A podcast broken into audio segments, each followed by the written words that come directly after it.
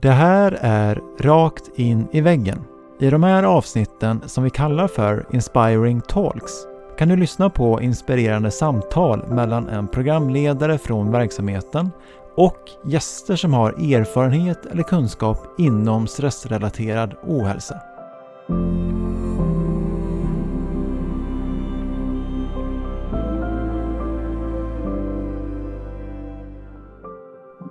Säger liksom att det här perspektivet att stress som någonting farligt. Att det blir ju en ytterligare stressor. Det blir en ytterligare en stressfaktor i våra liv. Och om vi i alla fall kan ta bort den så kommer det underlätta och kanske göra oss mer, hjälpa oss mer att kunna ta itu med de saker som faktiskt stressar oss och som vi kan göra någonting åt.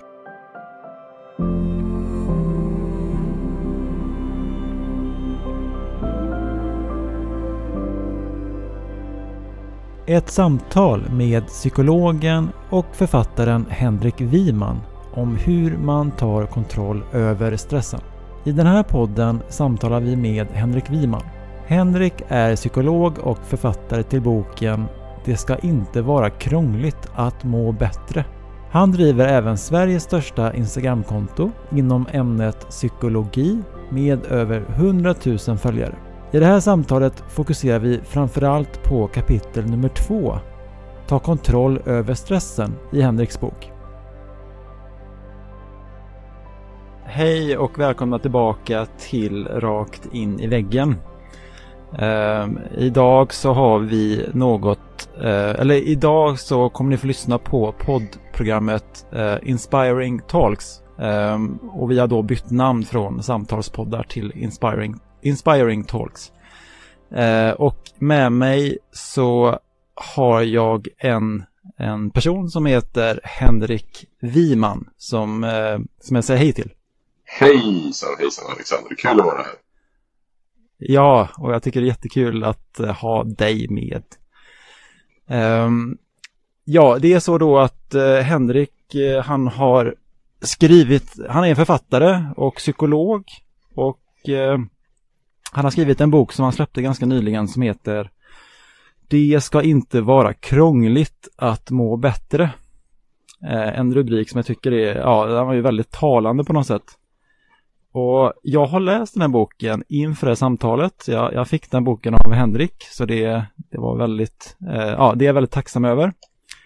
Och jag kan bara säga kort att jag tycker att boken var och det kanske är någonting som man tänker att det borde jag säga typ varje gång när jag har läst en bok. Med, med, alltså, man borde säga att boken är bra, annars är man liksom lite ohövlig.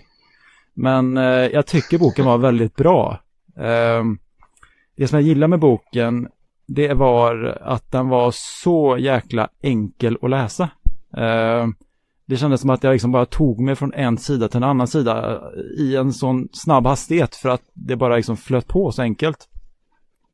Och sen så gillar jag också att Henrik, och det för er som då, det kan vara värt att lägga till att Henrik har även då eh, Sveriges största Instagramkonto inom ämnet psykologi.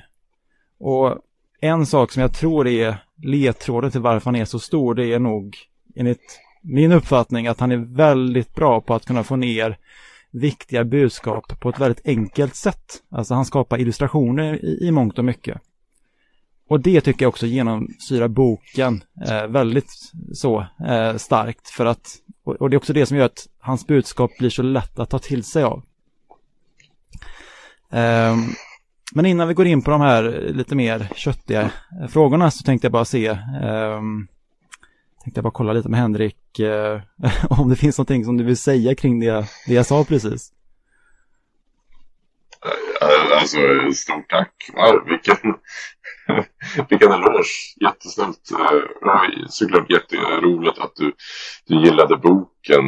Och det är som du säger, alltså, min, min tanke med den var att den skulle vara lätt att läsa. Att det skulle vara någonting som man kan gå till en bok som man kan använda sig av väldigt praktiskt och konkret liksom när det är, när det är tufft. För det är inte alltid det är ju inte alltid eh, lätt när man mår dåligt och då tycker jag verkligen, men då kan vi i alla fall göra de här verktygen och de här insikterna som behövs för att ta sig ur det. Då kan vi i alla fall göra dem så enkla som det bara går. Så då, då, då låter det som att jag, som att jag lyckats i, i någon mån i alla fall med det. Så det är jättekul att höra. Ja, det har du minst, minst sagt verkligen.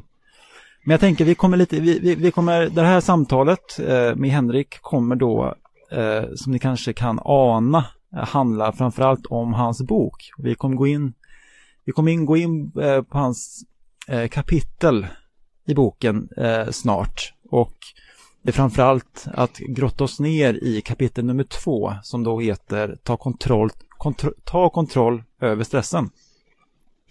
Vilket kanske inte är så konstigt sett till att det är en podd som då ska stötta människor med stress och utmattning.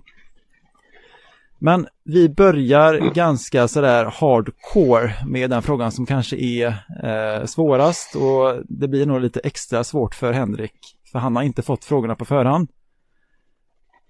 Eh, så då är frågan, vem är Henrik Wiman? Ja, det är, en, det är definitivt en, en, en hardcore fråga. Jag skulle väl, alltså... Det går ju att definiera det där på, på många olika sätt såklart. Jag är som du, som du inledde med, jag är psykolog, jag är författare, jag är föreläsare, jag gör alla jag gör sådana saker. Jag har ett Instagram. Men den jag är är väl egentligen bara, alltså jag är en ganska vanlig 32-årig kille, typ. Jag eh, tycker om min fritid ser ut som de flesta andra så jag tycker om att träffa mina vänner. Jag försöker ta hand om mig själv på de sätt jag kan. Jag försöker hålla i träningen men det är såklart att jag missar eh, pass då och då. Det jag försöker äta utifrån det jag behöver men det är klart att jag också famlar ibland där och jag försöker liksom ta hand om mitt inre, mina känslor och mina tankar på på hjälpsamma sätt men även där det går inte alltid som jag vill. Så att eh, jag ser mig själv som ja men typ vem som helst. Varför ville du bli psykolog för? Ja, ja precis. Eh, det var lite olika saker. Jag kan, man kan säga som så att det jag bär med mig från min uppväxt och liksom barndom. Min mamma är kurator. Och eh, så att hon har liksom man, vi har väl liksom haft lite det terapeutiska i familjen. När jag var liten så exempel så minns jag att jag brukade alltid vilja typ ja, berätta om min dag innan vi skulle gå och lägga oss. Så jag, jag babblade på om, om alltså allt möjligt oväsentligt och väsentligt ibland. Men mycket var bara en uh, åttaåring som vill att mamma ska lyssna på en. Eh, men hon gjorde det. Hon tog sig alltid tiden. Hon satt ner där och, och lyssnade på mig. Även om hon säkert satt och tänkte på att hon behövde ta hand om hemmet eller disken eller eh, själv behövde gå och lägga sig eller bara ta en stund för sig själv. Men hon, eh, hon, eh, hon satt där och lyssnade och jag tror att liksom det smittade av sig lite grann, liksom just den här kraften av att bli, faktiskt bara bli lyssnad på. Att det kan vara så enormt värdefullt för en. Eh, så det var liksom grunden. Sen så på gymnasiet så läste jag en bok av Henrik Fexeus, den här konsten att läsa tankar som fick, väckte liksom mera aktivt tanken att ja, men jag kanske ska läsa psykologi och så. Så då, då blev det bara liksom okej, okay, vart, vart läser, hur lär man sig psykologi bäst? Ja, då blev det psykologprogrammet. Och eh, på den vägen var det. Vad var drivkraften till att vilja skriva boken Det ska inte vara krångligt att må bättre? Jag, alltså dels så det har ju varit eh, lite av en, en eh, dröm jag har närt under några år nu att jag vill skriva en bok. Så mm, det lämpade sig ganska bra. Adam, min förläggare, hörde av sig för snart ett år sedan tror jag och sa liksom att nej, men ska inte du ta och skriva en bok? Och eh, så tänkte jag, ja men det låter verkligen, det känns som att det är dags nu. Och eh, jag ville göra en bok som var liksom, alltså typ mitt Instagram-konto i bokform. För att liksom mitt Instagram-konto är ju lite, alltså det blir ju som det ofta blir liksom på sociala medier. Det blir lite upphackat och sådär. Det kan kännas som att ja, men enstaka inlägg liksom är, är bra sådär. Men det är svårt att ha någon riktigt så här röd tråd eller, eh, eller så. Så att då tänkte jag men försöka samla ihop alla de tankar som jag haft där och eh, göra någon form av liksom, enhetlig bok kring det här. Plus också lägga in en del saker som jag inte hade kunnat uh, lägga upp på Instagram eftersom ja, det är ju ett som, saker som kanske verktyg som, som kräver lite mera information, lite mera bakgrund uh, till dem. Så ja, så det, det, det, det, kändes som, det kändes som ett, ett bra tillfälle att göra den här boken som folk ändå kan kan ha med sig i livet på de, i de tillfällen när det bara känns tufft, trist och tråkigt liksom.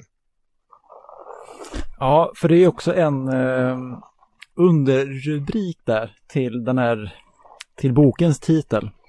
Handbok för tuffa dagar och ett lyckligare liv. Boken har ju då, ska jag bara friska upp mitt minne här, är det nio kapitel boken har eller? Ja, precis. Ja, och då kan jag bara läsa upp kapitlen lite i sin lätthet här. Så kapitel 1, det är då lägg grunden för din inre hälsa. Sen har vi ta kontroll över stressen. Sen har vi eh, hantera ångesten. Lyft dig ur svackan. Tro inte på allt du tänker. Förstå det du känner. Bygg bättre relationer. Bli din egen bästa vän och kapitel 9 är då Krishantera dig själv. Vi kommer nudda några av kapitlen 3 till 9 där, men vi kommer som sagt att grotta oss ner mest i kapitel 2, ta kontroll över stressen. Men vi kommer börja då lite med kapitel 1 här. Lägg grunden för din inre hälsa. Mm. Um, och här har ju då Henrik väldigt pedagogiskt i slutet på varje kapitel skapat en sammanfattning.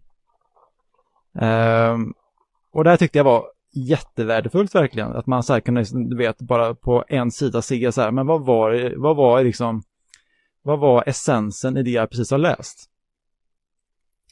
Och mm. då står det så här då i sammanfattningen till kapitel 1 där, som heter då Lägg grunden för din inre hälsa. Då skriver Henrik så här att um, att man då, eh, så saker som är viktiga då, det är att man behöver stärka sina, sin, sin fysiska hälsa. Och att det är den som lägger grunden för sin inre hälsa, eller för din inre hälsa. Och kortfattat så behöver vi sova, äta regelbundet och träna. Och då tänker jag att vi börjar med sömn här. Um, så vilka är dina bästa allmännyttiga tips eller perspektiv när det handlar om, handlar om sömn? Mm. Det är ju det där, jag brukar säga det liksom att sömn är ju, är ju den här luriga grejen eftersom det är ju både någonting som påverkar vår hälsa och som påverkas av vår hälsa.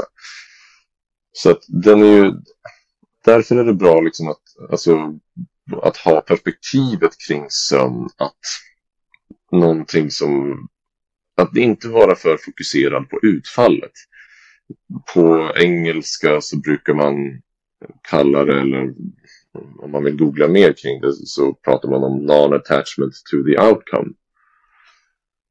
Och det är lite, vad ska man säga, meditationsaktigt att man försöker liksom släppa taget och sånt där. Men det blir ofta så att när vi, när vi har svårt att sova, när vi går och lägger oss, att vi är så fokuserade på just att somna.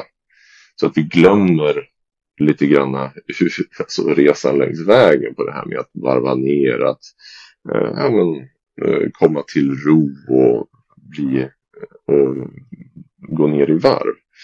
Men och då liksom det här fokuset på att just somna kan i sig bli lite kvävande och göra att vi inte kan somna.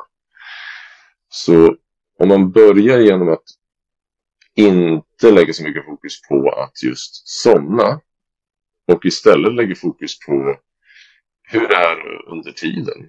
Att eh, man ser till att man har liksom en liten nedvarvningsrutin, kanske att man lyssnar inåt, känner in kroppen, men är jag faktiskt sömnig just nu? Alltså om jag går och lägger mig nu, kommer jag kunna somna?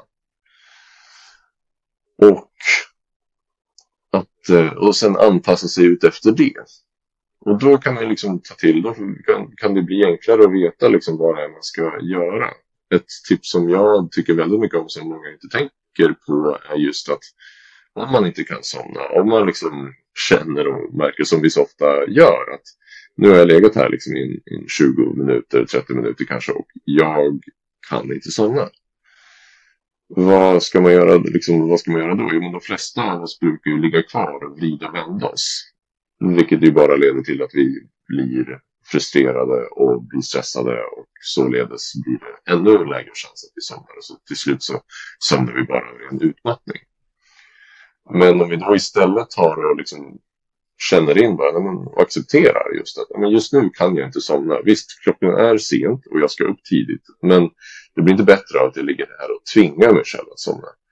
Då är det lika bra men att jag kliver upp kanske.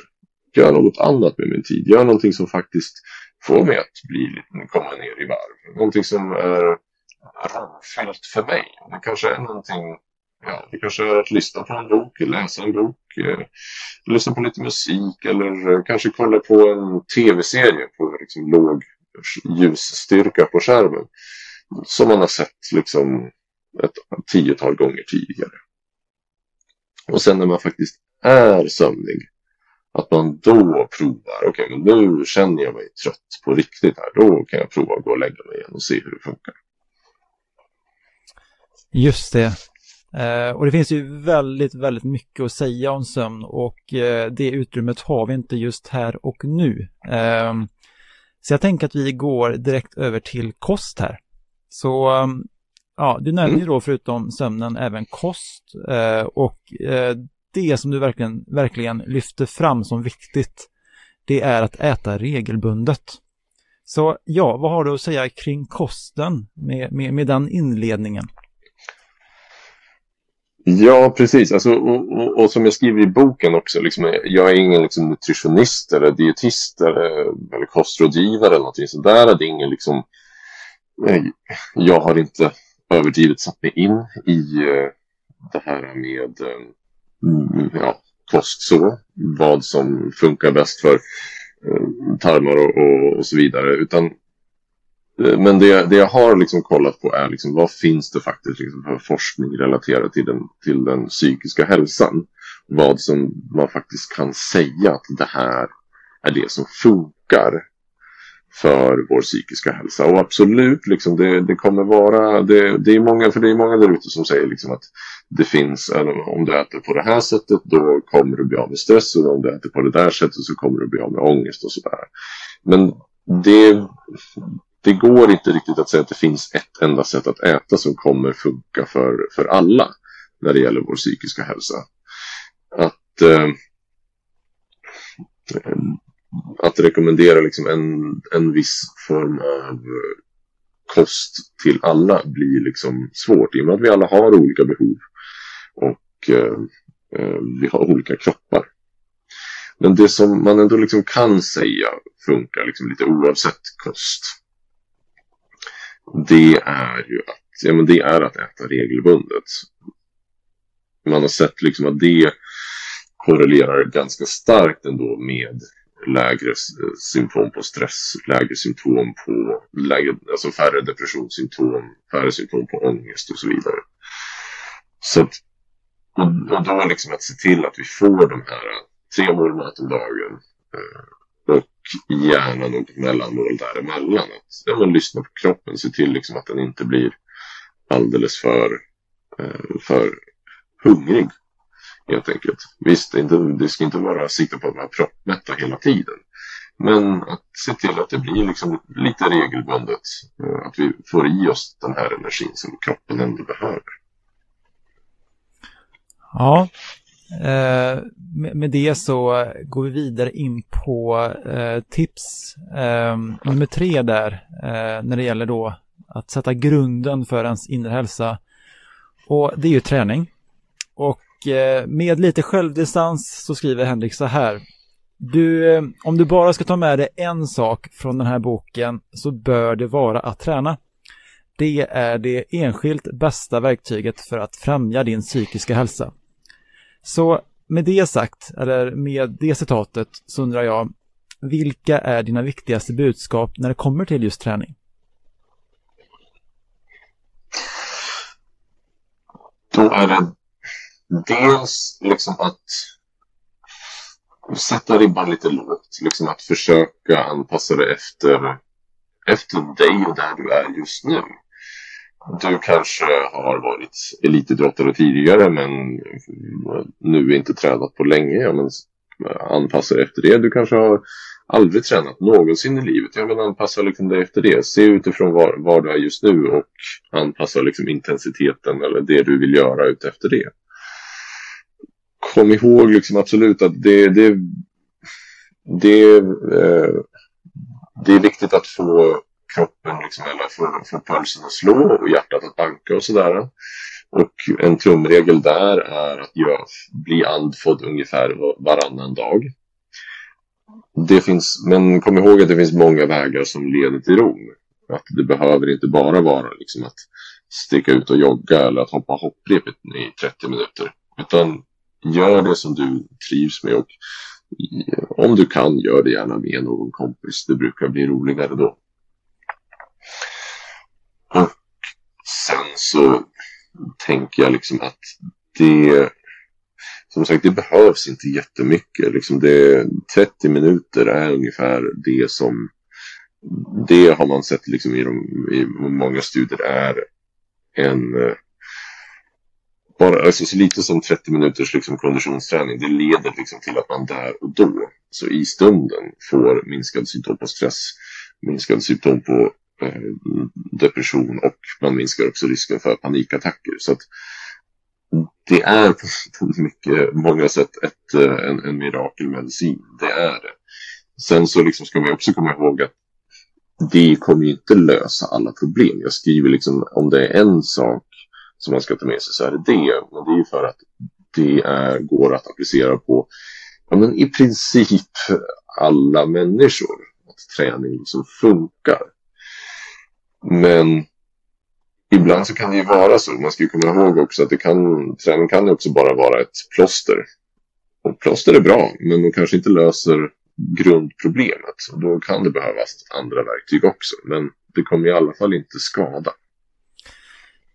Det är en väldigt snäll uppmaning och eh, jag såg i din, eh, i din eh, referenslista att du hade fått lite inspiration från boken Järnstark som då är skriven av Anders Hansen va? Mm -mm.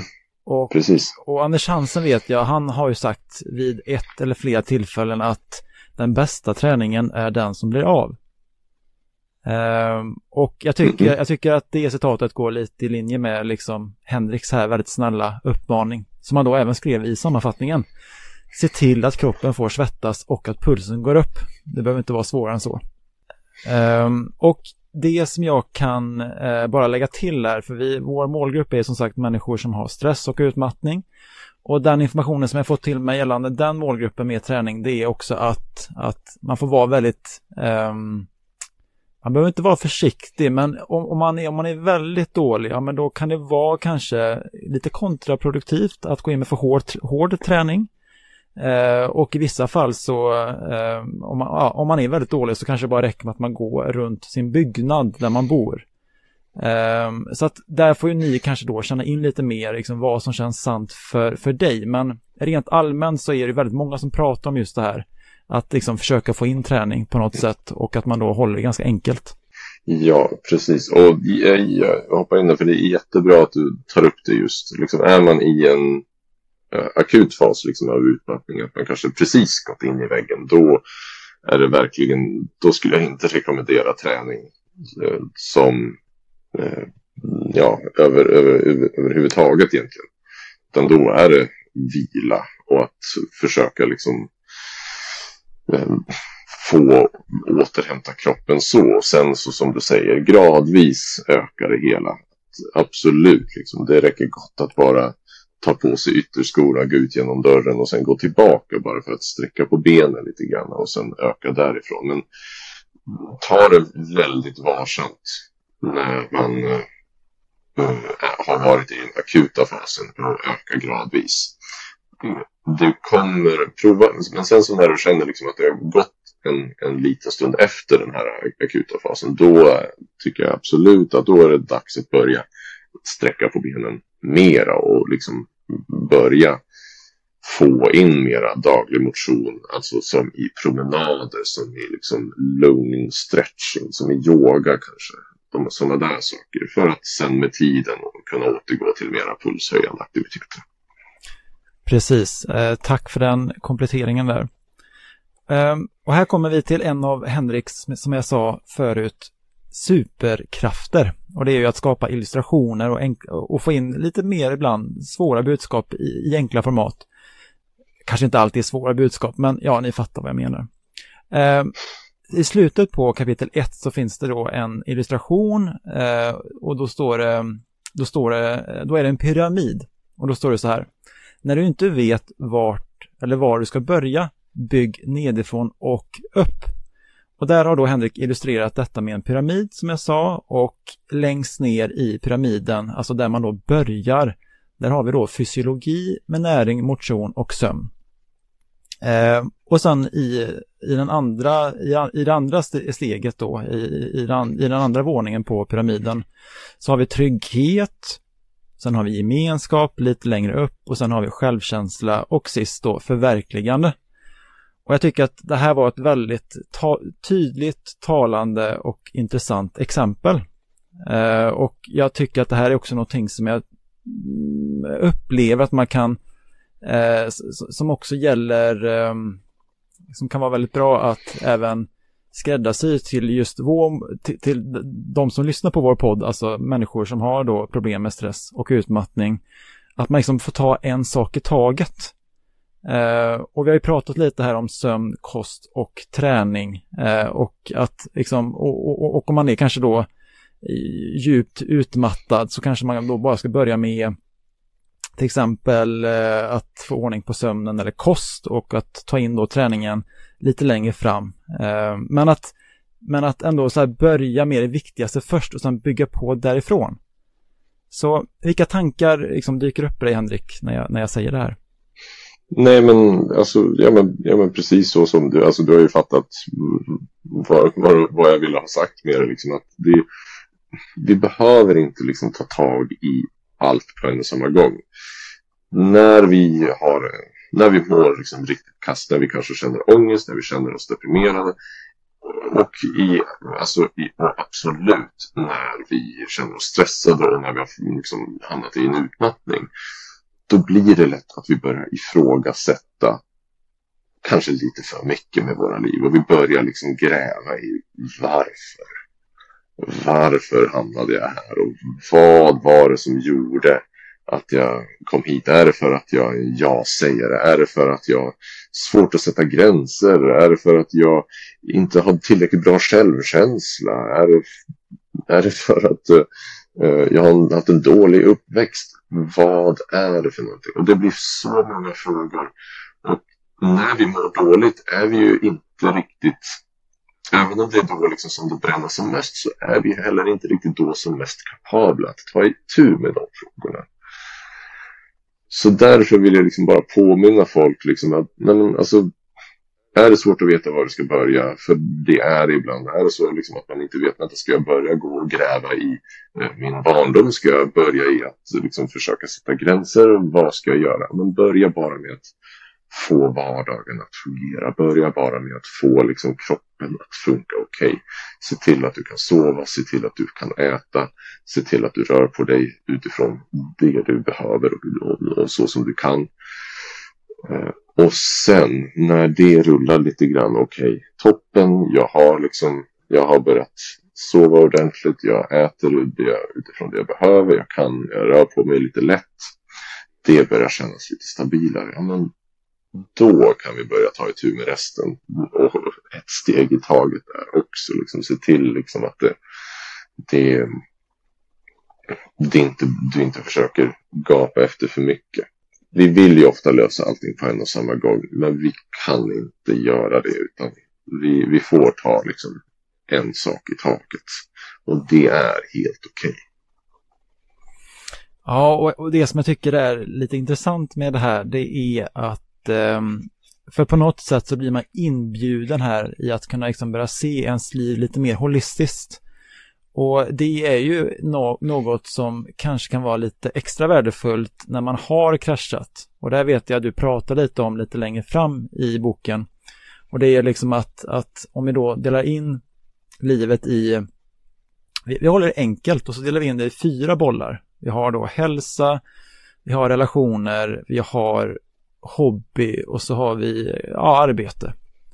Och när man kanske då börjar bli sämre och sämre i utmattning, ja men då kanske vänner och hobby krymper och så blir liksom arbetet tar nästan upp hela utrymmet för, hela utrymmet för ens liv. Eh, då är det väldigt bra på något sätt att se att det finns ju fler saker i mitt liv som jag liksom behöver underhålla. Eh, men att när jag väl gör det, ja men börja med en sak. Eh, så att jag ser att det finns två saker som liksom ändå går lite parallellt här. Um, ja, att delvis se liksom att jag har fler behov och sen börja med en sak i taget när jag väl ska komma igång med, med, med arbetet eller vad man nu ska kalla det. Mm. Absolut, absolut. Då kommer vi in på eh, det kapitlet som vi kommer lägga mest fokus på i, i den här podden. Och det är då, som jag sa förut, kapitel nummer två. Ta kontroll över stressen. Och då gillar jag att börja liksom bakifrån. Ehm, att vi då först kollar in liksom vad Henrik har skrivit i sin sammanfattning. Och då står det längst upp i sammanfattningen till just det här kapitlet om stress. Stress är ett verktyg som hjälper dig att lösa problem. Ehm, och på något sätt så, ja det var det som han skrev då eh, i, den första, i den första meningen. Och på något sätt så kan jag verkligen förstå vikten av att börja där. För ordet stress har ju fått kanske en onödig allmän negativ laddning i vårt samhälle. Och det är också någonting som eh, Henrik lyfter upp tycker jag under rubriken stressade av stressen. Och det finns ju då forskning som Henrik pekar på i boken men det finns även massa TED-talks som, som pekar mot det här. Och det är att det, det är vår relation till stress. Att det, det kanske är den som är mer skadlig än själva stressen i sig. Så här får du bara fylla på Henrik, eh, i det som dyker upp i dig, mm. tänker jag. Ja men precis, och det, där, det är någonting som jag har pratat med, alltså eh, även sen, om, jag har pratat om det här även innan liksom, jag startade Instagram-kontot och sådär. Men just hur vi ser på det här, för, men det är lite svårt att ta upp. Eh, och det är därför jag tyckte det var skönt att kunna ta upp det i en bok när jag verkligen liksom får brodera ut det. För det kan det kan vara lite provocerande liksom, att få, få höra liksom, att just hur vi ser på stress påverkar hur vi, på, alltså hur vi påverkas av det. För det, det antyder, även om det inte är det jag säger, men det antyder liksom att, men vänta här, om jag, så att om jag bara såg stress som något positivt så skulle jag inte ha blivit utmattad. Är det det du säger? Nej, inte riktigt. Eh, jag tror fortfarande liksom att även människor som kan se stress som ett verktyg. Verktyg kan se stress som ja, ett, ett verktyg som hjälper oss att, att lösa liksom, problem i tillvaron. De kan absolut också bli utmattade. Men jag säger liksom att det här perspektivet att stress som någonting farligt, att det blir ju en ytterligare stressor. Det blir en ytterligare en stressfaktor i våra liv. Och om vi i alla fall kan ta bort den så kommer det underlätta och kanske göra oss mer, hjälpa oss mer att kunna ta itu med de saker som faktiskt stressar oss och som vi kan göra någonting åt. Ja, och det, det är så enkelt att man ibland fastnar på ord och, eh, ord och liknande. Eh, och jag tycker att du lyfter upp det på ett väldigt bra sätt. Att Ja, alltså stressen, långvarig stress, det är ju skadligt. Eh, för de som blir utmattade, de har haft liksom eh, mycket stress länge och för lite återhämtning. Eh, men stress är också en, en, sak som vi inte kan liksom komma ifrån i livet. Eh, och då tänker jag liksom utifrån vad som då bland annat stod, stod i din bok eh, just med, just med det som jag sa förut att man kan bli stressad av stressen. Att det kanske finns ett värde i att börja expandera ens relation till ordet stress. Att stressen i sig är inte farlig utan att vi kanske kan vinna väldigt mycket på att bara ändra om vår relation lite i, kring det ordet. Precis. Nej, men, alltså, jag brukar ta lite grann som ett exempel att Jag var eh, för några, några månader sedan, eller några månader sedan, jag skulle ta tåget till Stockholm Eh, för ett möte.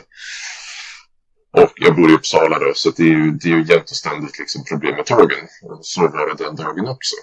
Och jag kommer dit, märker att mitt tåg var inställt. Direkt känner jag ju stress. Eh, hur ska jag hinna till mötet i tid? Hur ska jag eh, klara av det här? Hur ska jag lösa det här? Och stressen gjorde ju då liksom att den peppade igång mig så att jag skulle liksom börja mm, i och med att tiden var knapp kolla upp finns det några andra tåg? Finns det andra sätt jag kan ta mig liksom till, till Stockholm så att jag kommer i tid? Okej, okay, ett, ett tåg kommer om 15 minuter. Kommer det, kommer det funka? Kommer den komma i tid? Eh, finns det bussar jag kan ta och så vidare?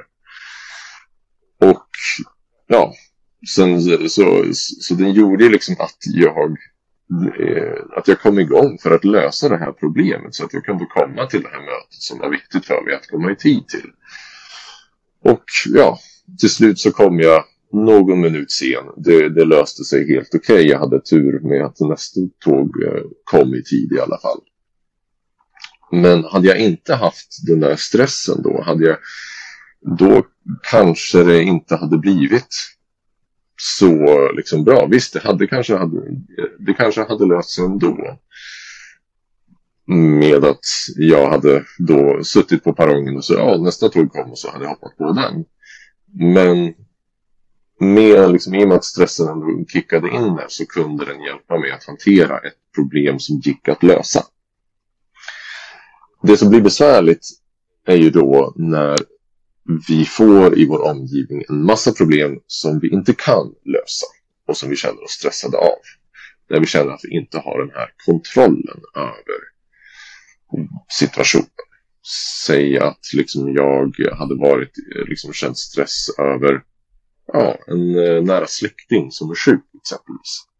Det är ju någonting som jag inte har någon som helst kontroll över men likväl känner stress kring. Och där, när det blir för många sådana saker, det är då det kan bli lite besvärligt för oss. Eh, just det, och jag, jag, vet ju också att du eh, lite längre fram i kapitlet pratar om att man då, eh, det som kan vara värdefullt i, i, i den typen av eh, situation, det är då att, liksom, att man nästan behöver skriva ner lite eller, eller skapa en stund för reflektion där man ser då vad kan jag påverka och vad kan jag inte påverka och, eller vad kan jag delvis påverka. Mm. Så. Eh, och det tror jag vi kommer in på lite längre fram här. Men det var ett bra exempel så, så tack för det. Um, en annan sak som jag har noterat här, det är som jag då kom in lite på förut, att stressen i sig då är ju inte, vi behöver inte, alltså att vi behöver inte, kanske inte vara rädda för stress, men däremot om man har långvarig stress och, och får för lite återhämtning så, så kan det bli skadligt. Och att man då kanske blir, eh, ja, får en stresskollaps eller blir utmattad. Och i, i boken då, i, i, kapitel två där, så, eh, så nämner just Henrik och illustrerar eh, hur den ökade belastning, belastningen, stressbelastningen, kan göra att vi börjar att ta bort sådant som vi mår bra av. Som till exempel sömn, motion och vänner. Och att detta till slut leder oss till en stresskollaps och utmattning. Eh, och, det här vi, och det här har vi nosat på lite tidigare. Men varför tror du då som en författare till den här boken och psykolog, eh, alltså varför tror du att människor inte stoppar i tid innan det har gått för långt? Jag tror att vi är många som lever lite grann på hoppet. Att vi är många som tänker, ja men det, vi, Håller till vi till, eller tror och hoppas på att det finns ett ljus i slutet av tunneln. som kommer liksom och då kommer det lösa sig. Då, när jag bara blir klar med den här grejen, då kan jag pusta ut. Då kan jag ta det lite lugnt. Problemet är att i eh, de allra flesta av våra liv så är det inte riktigt så. Eh, utan det, det kommer alltid något nytt. Är det liksom, har vi ett jobb där det är liksom, okej, okay, men det, bara jag blir, liksom, når den här deadline och blir klar med den här rapporten, då kan jag pusta ut. Ja, man kanske får pusta ut i några dagar, men sen kommer det, ta mig tusen, en till deadline. Alltså det, det, det är som om det inte fanns något annat än deadlines i, i världen. Eller i eh, hemmet, ja men bara vi ja, tar oss till slutet av terminen så då kan vi få pusta ut. Ja, men eh, sen så kommer det oundvikligen en till termin och en till liksom skolstart. Så att det gäller liksom att vi, och, och i det där liksom i och med att vi rationaliserar bort då liksom att ja, men då kan jag pusta ut så då är det okej okay att jag inte tränar just nu, träffar vänner just nu, ägnar tid åt eh, min hobby och min, ja, min själsliga återhämtning kanske så, så är det, blir det större risk att vi blir utmattade och att vi fastnar i den här stressen. Och liksom på ett personligt plan, jag, alltså, det hände ju mig absolut under tiden jag skrev den här boken. Jag eh, prioriterade bort ganska mycket under den här bokskrivningen. Träning, det var det, det åkte med en gång i princip. Och eh, vänner, det försökte jag hålla kvar i alla fall. Men uh, den träningen där försvann och det, det påverkades jag av, absolut. Just, men då liksom, jag rationaliserade liksom just att ja, det finns en deadline. Då kommer jag kunna pusta ut. Men ja, det dök upp nya deadlines för boken och nya deadlines för boken. Så att det inte förrän nu, kanske de senaste två, två tre månaderna här, nu när eh, boken har kommit ut lite grann, som jag har kunnat återgå lite till mina vanliga rutiner med träning och så. Så om jag summerar det du sa då, eh, att det kanske handlar lite om eh, jag ska bara syndromet. Eh, och den eviga mm. to-do-listan som aldrig tar slut. Ja, det kan man absolut säga. det, det hade faktiskt varit en bra titel på en bok. Det, det, det är jag ska bara... punkt, punkt, punkt den, det, definitivt. Jag tror många skulle känna igen sig i det. Så att, uh, skriver du den så uh, first in line, absolut. Ja, då kanske du intervjuar mig sen då. Lite längre fram där. Men nöje Alexander. Vi ser, kanske 2040 kan vi boka in preliminärt. du vet, sätt en deadline, sätt en deadline. ja, just det. Um, då tänker jag, sen så skriver du då i din sammanfattning, lyssna på stressen. Alltså, förutom att eh, förstå att stressen, eh, att, den är, att den är viktig och, och, och fyller en funktion, så, så skriver du sen att, man, att det kan vara bra att lyssna på stressen. Och då skriver du så här då, i din sammanfattning. För att hantera stress behöver du lära dig att lyssna på vad den säger. Um, och då tänker jag att du bara ska få berätta lite vad du, vad du menar med det. Eh, och sen så kommer vi då att gå igenom några stresstecken som du har nämnt i boken. Så vad, tänker du med, med, med, med detta? Ofta så liksom ignorerar vi lite grann vad det är stressen egentligen säger till oss. Alltså, stressen den kan man ju se lite grann som den här, den här krassa kompisen som bara säger som det är Mm. viss, alltså det, de här människorna finns ju där ute. Det kanske finns någon på arbetsplatsen, det kanske finns någon i bekantskapskretsen. En person som bara alltså, inte tänker på social sed eller att linda in det, så att säga. Utan säger liksom så som det är. Är det skit, så är det skit. Då får man höra det. Och det är det stressen är. Den säger till dig liksom. Om det är skit, ja men då får man höra det från stressen. Och som det ofta är liksom även med de här människorna i vår omgivning. De som kanske säger hörni, nu måste vi göra någonting åt det här. Det är inte alltid vi lyssnar på dem, även om man kanske vet att de har rätt. Så, så även med stressen, att även om vi kanske vet att den har rätt, liksom att när den säger till oss nu är det dags att liksom börja eh, ta hand om dig själv här. Så är det inte alltid vi gör det, utan vi, då hamnar vi i de här jag ska bara syndromet som vi pratar om. Och då, då blir det ju liksom, ehm, då blir det pannkaka till slut. Så att faktiskt liksom våga lyssna och ta vara på det liksom, när stressen säger det är för mycket, gör något. Och att faktiskt då göra något i form av, ja, ta hand om sig på olika sätt. Se till att man får återhämtning och så vidare. Mm. Och i boken så har du då skrivit, eh, du har gett några exempel på vanliga stresstecken från kroppen. Eh, och med det exempel som du gav där, då skulle man kunna tänka att man har liksom en osynlig vän som heter kroppsliga symptom och en annan vän som heter psykiska symptom. Eh, så att eh, om vi föreställer oss då att vi har den första kroppsliga eller den första osynliga vännen eh, som har då kroppsliga symptom eh, inramat i sin panna. Eh, och då har vi huvudvärk, yrsel, tryck över bröstet, hjärtklappning, värk i nacke och axlar, orolig mage, sömnstörningar, trötthet och att man blir som paralyserad. Alltså då, det var då kroppsliga symptom.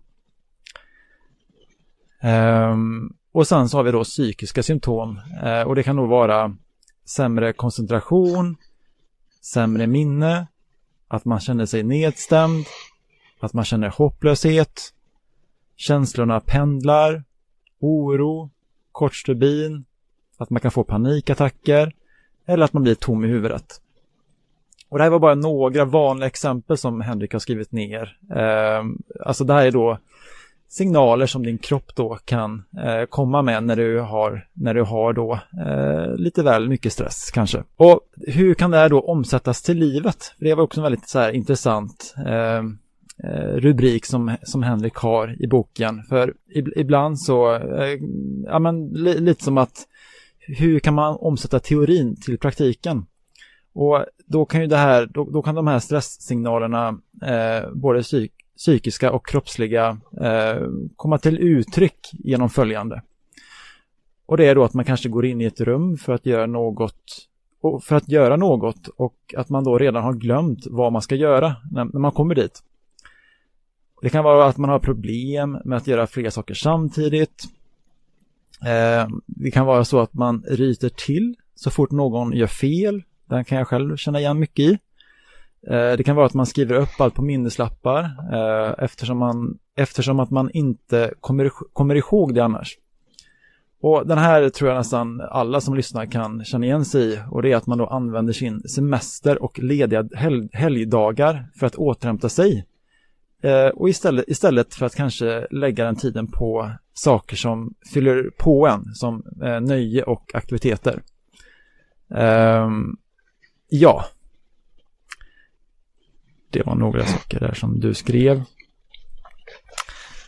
Mm. Och sen så... Det, det, är ju... Ja.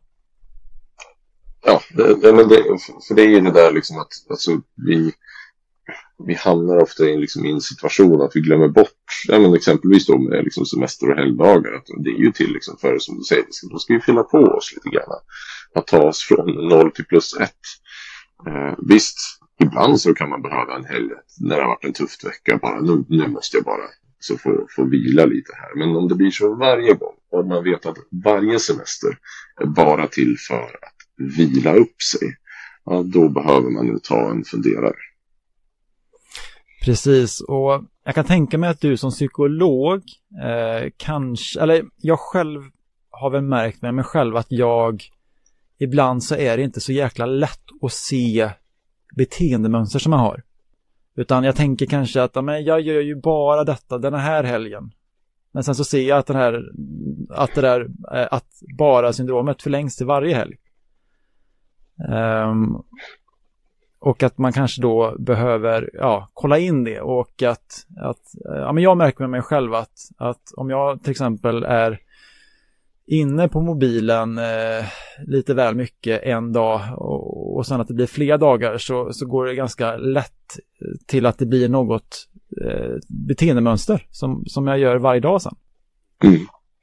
Ja men precis. Det, det är ju det, det är svårt liksom att, att, vara, att, att ha den här självinsikten kring, kring eh, de här beteendemönstren.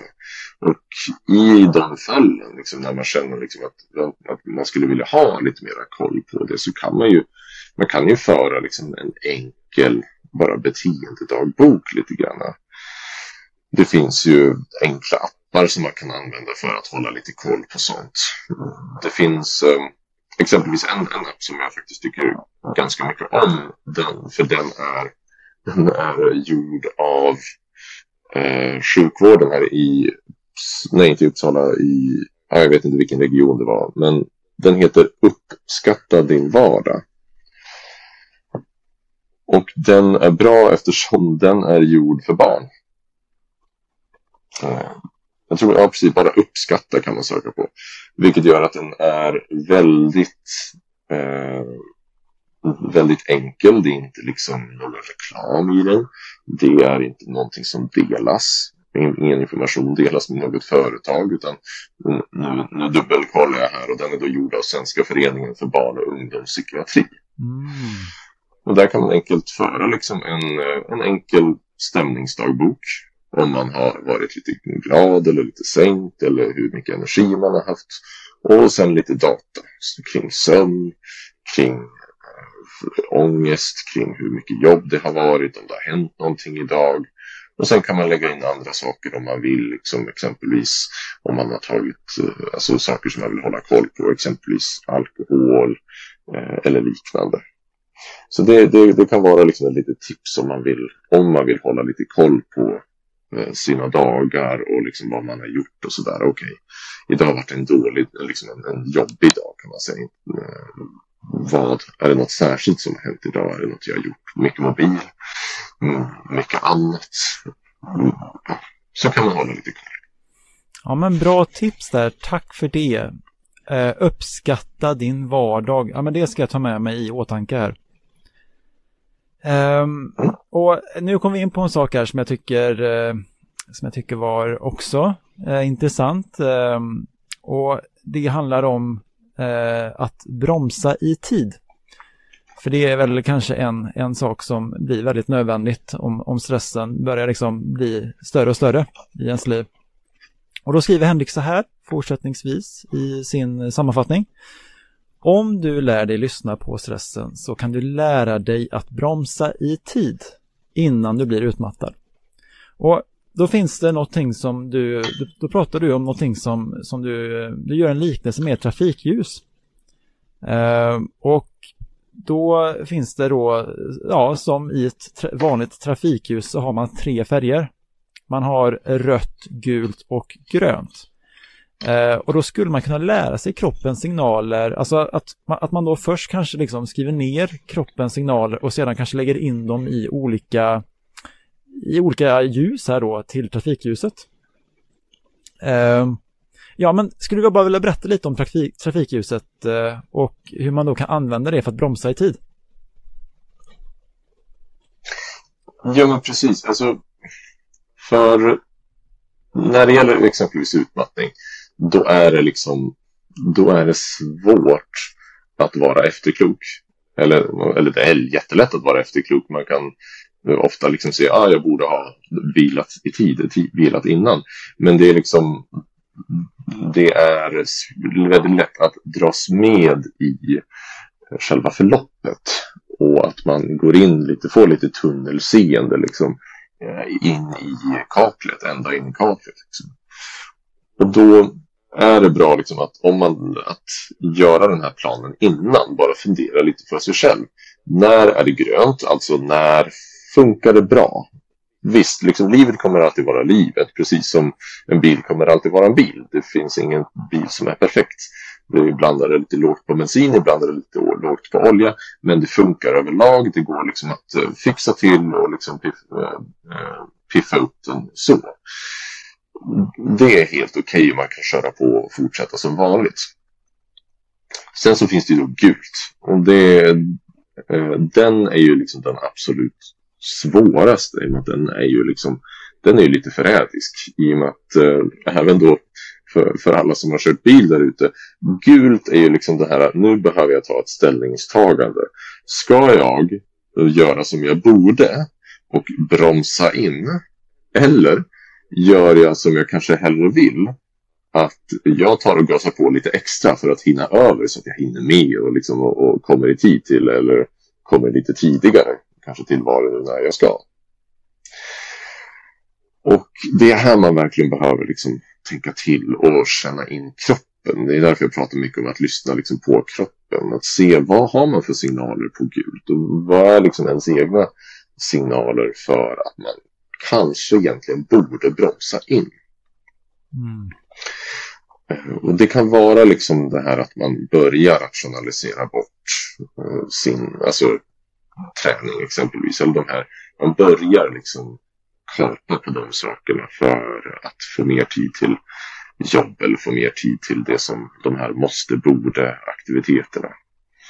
Eller att man börjar känna lite mera känslomässiga och, och tankemässiga symptom. Man börjar märka att man blir mer och mer orolig. Eller man börjar märka liksom att det är mer ångest och liksom, att man känner sig kanske mer ledsen överlag. Eh, och det kanske börjar dyka upp lite mer och mer av de här kroppsliga symptomen. Man kanske känner att det, det här att helt plötsligt så får man trycka över bröstet liksom från ingenstans. Det, man kanske bara är ute på en promenad med, med, med sig själv eller med en vän eller med en partner och bara känner uff, nu fick jag trycka över bröstet. Sådär. Det kan vara liksom lite sådana saker och de behöver, kan det vara bra att tänka till eh, innan så att när man, när man väl hamnar i det, att man kan känna igen, aha, det här är gult ljus, nu borde jag ta och lyssna på kroppen och bromsa in, göra, som jag, göra det som är bra för mig i den här situationen så att jag inte gasar på för mycket. För det är då liksom man kan hamna i rött ljus. Om man fortsätter att gasa på när det är gult. Precis, och jag tycker det här är ehm, det som jag tycker är väldigt givande med, med den här illustrationen det är ju att jag innan har jag då fått höra att man kan skriva ner sina symptom eh, och ha med sig den listan någonstans eh, under, sin, under, sitt, under sin, sin livsresa. Och att man då kan ta upp den eh, när man då kanske har något symptom som man vet finns på den här listan och att det i sig kan vara en indikator för att okej, okay, nu, har jag, nu har jag några symptom här och jag vet sedan tidigare att när jag har de här symptomen så behöver jag kanske vara lite mer så här hur kan jag ta hand om mig själv bättre? Eller hur kan jag förstå mig själv bättre i det här? Och kanske inte fortsätta liksom, eh, utan att mer börja bromsa in. Men det som du gör här tycker jag med det här trafikljuset, det är att du liksom tar det till en ny nivå. Eller du tar det här till en ny nivå. Inte att det blir mer komplicerat, men att man nästan då kan gardera in de här olika symptomen i olika nivåer. Um, och att man då, ja men du har till exempel skrivit då i boken att grönt ljus skulle kunna se ut så här. Och det är att man har inga problem med att fokusera utan ens koncentrationsförmåga är bra. Eh, två, det kan vara att man, eh, att man då för det allra mesta har ork kvar efter jobbet. Ibland så kan man ju vara normalt trött men att det inte behöver vara något sjukligt. Känslorna, de är stabila. Eh, tankarna går till, eh, ibland till jobbet, men det påverkar inte dig så mycket. Skriver Henrik här då, att det är då, eh, det kan vara liksom signaler som visar på att ja men eh, det, det, ser bra ut, det det, vi har inga röda lampor på instrumentpanelen i bilen, så att, e-, eller då att, att ljuset är grönt liksom, så kör på. Men att sen då när det blir gult ljus eh, och att, att man då kan skriva ner vilka symptom som man har som kanske inte är super, superallvarliga. Men att det då är tillräckligt allvarliga symptom för att ge dem uppmärksamhet. Och jag vet ju själv att, att i, i, i min då läkningsresa från utmattning så har jag blivit ganska bra på att känna igen vilka signaler som är de röda.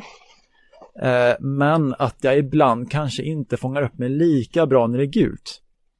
Ehm, och om jag fortsätter där bara på Henriks exempel på gula och röda signaler när det gäller symptom. Så har han skrivit så här på gula. Eh, och det är ett. Eh, ibland så känner du tryck över bröstet. Två. Du är allmänt mycket spänd. Tre. Jobbet tar mer och mer tid. Så det är tre exempel då på hur det gula ljuset kan se ut. Och där är det då många som kanske inte tänker på att det är så allvarligt men att, att det är kanske där man ska stanna senast egentligen, på det, på det gula. Och sen på det röda då eh, så har Henrik skrivit eh, alltså tecken på att det, att det gått väldigt långt och att ljuset nu är rött och att man då behöver stanna helt och hållet. Det kan vara 1. Hjärtat bultar av ingen anledning. 2. Tankarna snurrar oavbrutet. 3. Fokuset är försvunnet sedan tidigare. Och så vidare. Eh, så att jag, försökte nog, jag försökte nog bara att komplettera det lite i det du sa där Henrik.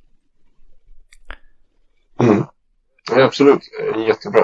Och det är jättefint att du tar upp det också, liksom just att det är som du sa där, liksom, att det är ganska lätt att hålla koll på de här röda signalerna. Liksom, att man vet att nej, men nu måste jag dra i handbromsen här. Nu, är det, liksom, nu har jag eh, carte blanche att bara säga nej till eh, alla liksom, måsten och ta hand om mig själv. Eh, det vet man oftast. Men just det här vägen ner i det hela, det gula, det, det är lite svårt. Det har man kanske inte riktigt konkretiserat. Och som jag ofta liksom också pratar om liksom i andra eh, ställen i boken, om att sådana här saker är viktigt att lägga lagom mycket fokus på. Som sagt, ditt fokus ska ju alltid vara liksom att leva ditt liv och lägga fokus på det du, det du trivs med, det du njuter av i tillvaron, det du känner tacksamhet för exempelvis. Men genom att hålla lite koll, tillräckligt mycket koll i alla fall, på just de här gula signalerna så kan det göra så att vi slipper hamna antingen i en utmattning första gången eller i en utmattning en gång till. Ja, bra, bra eh, beskrivet. Och en sak som du sa förut, eh, eller som du då, eh, eller som du även har skrivit i boken, det är att, ja, jag citerar dig direkt tänker jag. Det gula trafikljuset är frädiskt. När man är i gult är det tillräckligt jobbigt för att, för att det ska märkas för den som lyssnar, men samtidigt till, tillräckligt lätt för att man ska kunna vifta bort det. Det är då man brukar ursäkta och bortförklara sin stress. Jag tänker så här nu, Eh, citat färdigt. Jag tänker så här att jag nämner de vanligaste bortförklaringarna som du har nämnt i din bok. Eh, och, sedan, och sedan så får du komma med en kommentar på den bortförklaringen som du även har gjort i boken. Låter det okej? Okay? Låter jättebra. Yes, då har vi de vanligaste bortförklaringarna som du som lyssnar ska vara lite extra eh, observant på. Eh, och den första är Det går över. Och det är det här lite grann det jag pratat om, att vi försöker hålla, hålla det här, att vi tänker oss att det finns ett ljus i slutet av tunneln. För absolut, alltså någon gång kommer det gå över. Ingenting är beständigt här i, i, i livet. Så man har ju inte, eh, man har ju rätt i sak. Absolut. Men om vi alltid går runt och liksom tänker att det kommer gå över av sig självt exempelvis. Det kommer utan att vi kanske behöver göra något aktivt det är då som det, det ofta blir problematiskt. Så att, ja, det, det kommer säkert gå över och det kan, någon gång kommer det gå över av sig själv säkert. Men i en sån situation så kan vi heller inte riktigt vänta på det. På att eh, det ska gå över av sig själv. Utan då behöver vi ta tag med, med lite egna verktyg och egna insikter liksom för att det, hjälpa det på traven och se till att vi tar oss ur den här situationen. För det är ju inte hållbart. Precis, och här, här tänker jag att just den här eh, meningen kan vara hjälpsamt för två olika typer av människor. Dels för dig som, eh, som har problem med stress. Du behöver inte ha, ha blivit utmattad, men du kanske har liksom, du känner att det finns en obalans i stress. Där kan det vara bra för dig att veta att när du säger att det går över, ja, att vara, vara uppmärksam på liksom, är det verkligen sant? Och, eh, eller, det, eller ja, kopplat till det som Henrik sa här. Eh, och den andra gruppen som det kan vara hjälpsamt för att, ehm, eh, att ha med sig det här, det är också för de som lever som anhöriga på något sätt till människor som har en stressproblematik. Så att om någon säger till dig som du upplever har stress, eh, liksom ett, ett problem med stress eller att det är obalanserat och, och, och som då säger att ja, men det går över föreställ dig då att du, liksom, du sitter och spelar poker med den här personen och, och han bluffar och säger det går över. Det, då gäller det att syna bluffen. Så, för att det kanske går över men det kanske, det kan också, det kanske också bara är en bortförklaring som, som Henrik skriver här i boken. Så ja, det vill jag lägga till där. Mm, jätte, jättebra tillägg. Ja, och yeah. jag tycker det var två saker där som är jättebra. Just det där liksom med, med att försöka dubbelkolla, är det här verkligen sant? Och som du säger, liksom syna bluffen. Eh, också, också viktigt att komma ihåg då som anhörig att även om man själv kanske då ser att nu liksom den här personen bluffar och liksom vet någonstans att det här kommer inte liksom gå över eller liksom det här är, det är inte hållbart. Så kan det också vara så att man får vara lite liksom så här smidig där kan man säga eftersom den som är i det här kanske, kanske är i gult, kanske är i rött, mm, oklart vad, men är i stressen. Man kanske inte riktigt är mottaglig för det budskapet. Det kan vara så, alltså från, från en, en utomstående. Det kanske är så att man själv, ja, att man rationaliserar just att det kommer gå över. Och man kanske själv behöver få lite tid på sig att själv inse att det här kommer nog inte gå över. Eh, och jag behöver göra någonting åt det. Så att, och bara liksom för att, eh, så att det inte blir onödig osämja i en relation. Att eh, vara lite tålmodig. Man kan ställa lite, liksom, lite välvalda frågor, absolut. Men pusha inte för hårt om du märker liksom att den här människan är inte riktigt där i skallen. Nej, precis. Och det, det är kanske inte något du ska säga på din första Tinder-dejt att vet du vad, nu säger du att det går över och då blir jag orolig för dig. Utan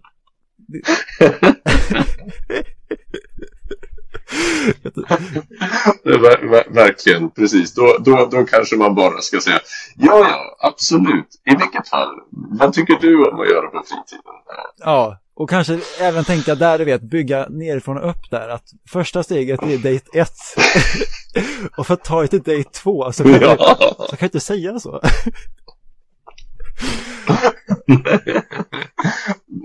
Jättebra. Okay, ja, men, eh, jag gillar liksom den här eh, nya inriktningen på samtalet. Datingtips med Alexander och Henrik. Ja, precis. Vi, vi får se lite vilken rubrik vi sätter på podden sen. Okej, okay. citat eh, bortförklaring nummer två då. Eh, lite mer allvarlig här plötsligt. Eh, jag har haft det stressigare förut.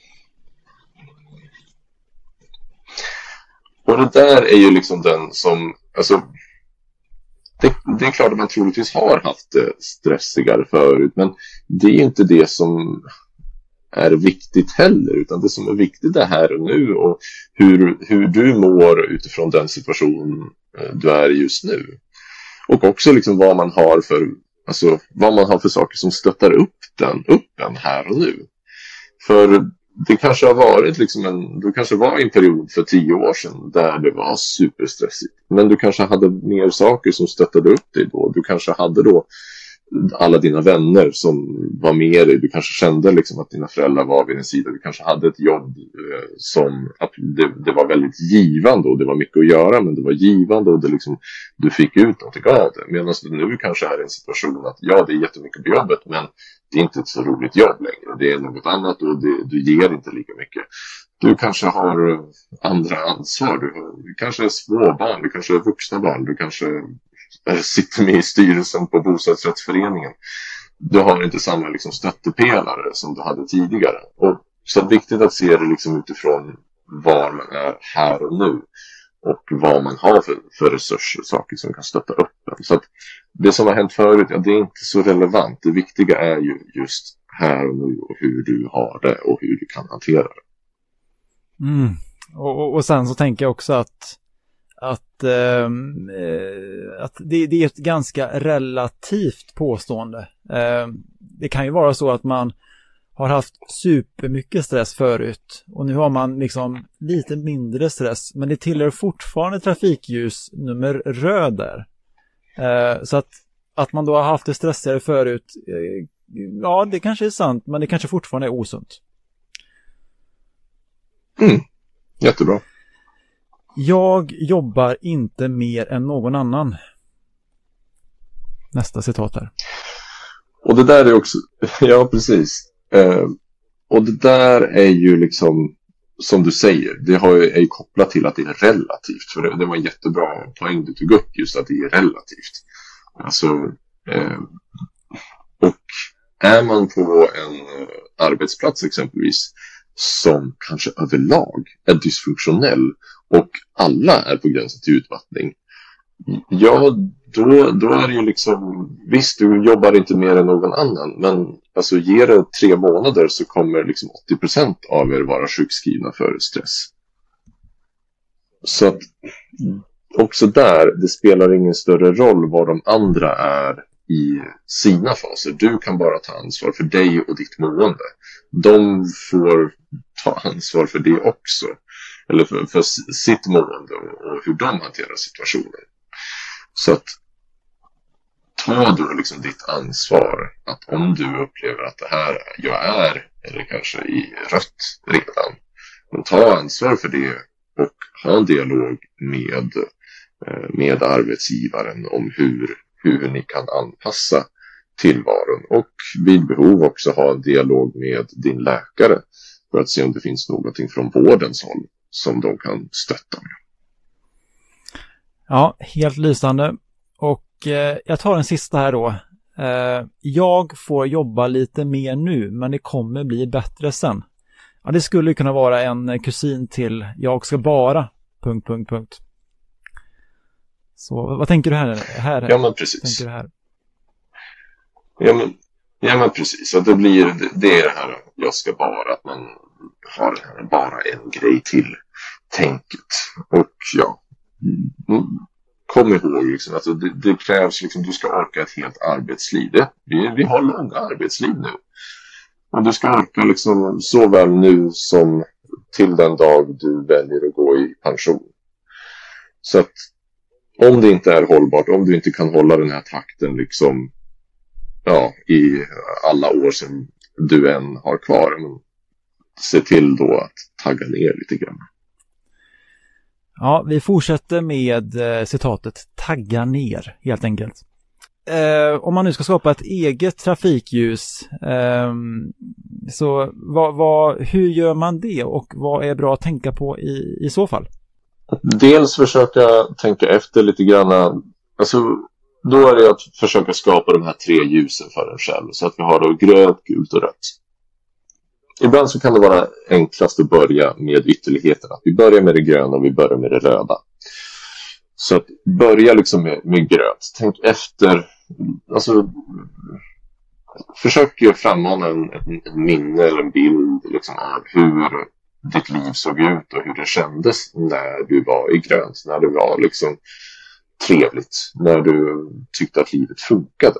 Gå in lite grann på alltså, hur kändes det i kroppen hur kändes det i, med tankarna? Hur kändes det liksom med känslorna? Vad var det liksom för, hur, hur, såg det ut där och då? Och också om det var några tydliga så här, beteendemönster som du hade som du, eh, som du gick efter. Det kanske funkade med träningen. Du kanske träffade kompisar på en regelbundet sätt och så vidare. Och sen ta då det röda Eh, om du har varit i rött någon gång, ja, men tänk efter då. Hur var det då? Samma sak där. Eh, Kropp, tanke, känsla och beteende. Jag skrev ner några punkter för, punkter för varje. Och, och sen då när du har tänkt ut det. Eh, gå och kolla, liksom, eh, skriv ner då för det gula, samma där. Kropp, tanke, känsla och beteende. Och här kan det vara, liksom, här kan man behöva tillbringa lite tid liksom, för att hitta liksom, vad är egentligen Gud för mig och kanske se då om vi har då haft, om du har du tidigare haft grönt och varit i rött. Tänk efter då, var var du, när var du ungefär mittemellan? Och hur, vad var det som hände i, din, eh, i ditt liv då, i din kropp och i, i ditt psyke? När du, sen när du har gjort det, då kan du också ta och skriva ner några sådana här tydliga triggers, alltså några tydliga liksom, tecken. Det kan vara något av de här eh, beteendetecknen som du har märkt när det gäller eh, gult och när det gäller rött. Som du verkligen liksom ska ta tillvara på så att du verkligen kommer ihåg Så att när du börjar göra dem, att du vet okej, okay, det här är ett tecken för mig att börja ta det lugnt. Och skriv då ner också en, en sak du kan göra då. Så om du, om du märker liksom att okej, okay, min, mitt tecken för när jag är i gult är att jag eh, drar en dålig ursäkt för att eh, skippa träningen. Eller jag märker att jag eh, jobbar över på, på kvällen två, tre dagar under en hel vecka. Bra, där har du ett tecken. Vad ska du göra då?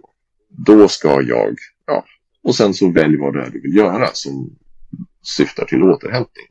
Kanske träna, kanske att träffa en kompis, kanske att sitta ner och prata med din partner. Bara liksom gå igenom och säga, hörru du, jag tror jag börjar bli lite för stressad.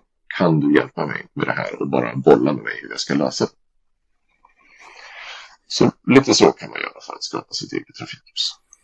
Och det här kan man ju då eh, antingen skriva eh, ner i, eh, på ett, eh, i en anteckningsapp eller liknande på sin, på sin mobil. Eller så kan man skriva ner det kanske lite enklare i en, i en fysisk eh, dagbok eller bok eller liknande. Och jag, jag, jag tänker att det här är, är ju om något en väldigt bra handbok att ha med sig. Och jag tänker nästan att man skulle, man skulle liksom ha haft en sån här pytteliten, du vet, eh, fysisk anteckningsbok som man bara kan stoppa ner i, i bakfickan och, och ta upp liksom direkt när man har ett, eh, ett stresssymptom så att man då kan se Just det, nu var det det här igen och nu ska jag inte fortsätta utan nu ska jag snart pausa här och, och ja, men se över hur jag då, som Henrik sa, alltså vilka strategier kan jag då tillämpa när det här händer? Mm.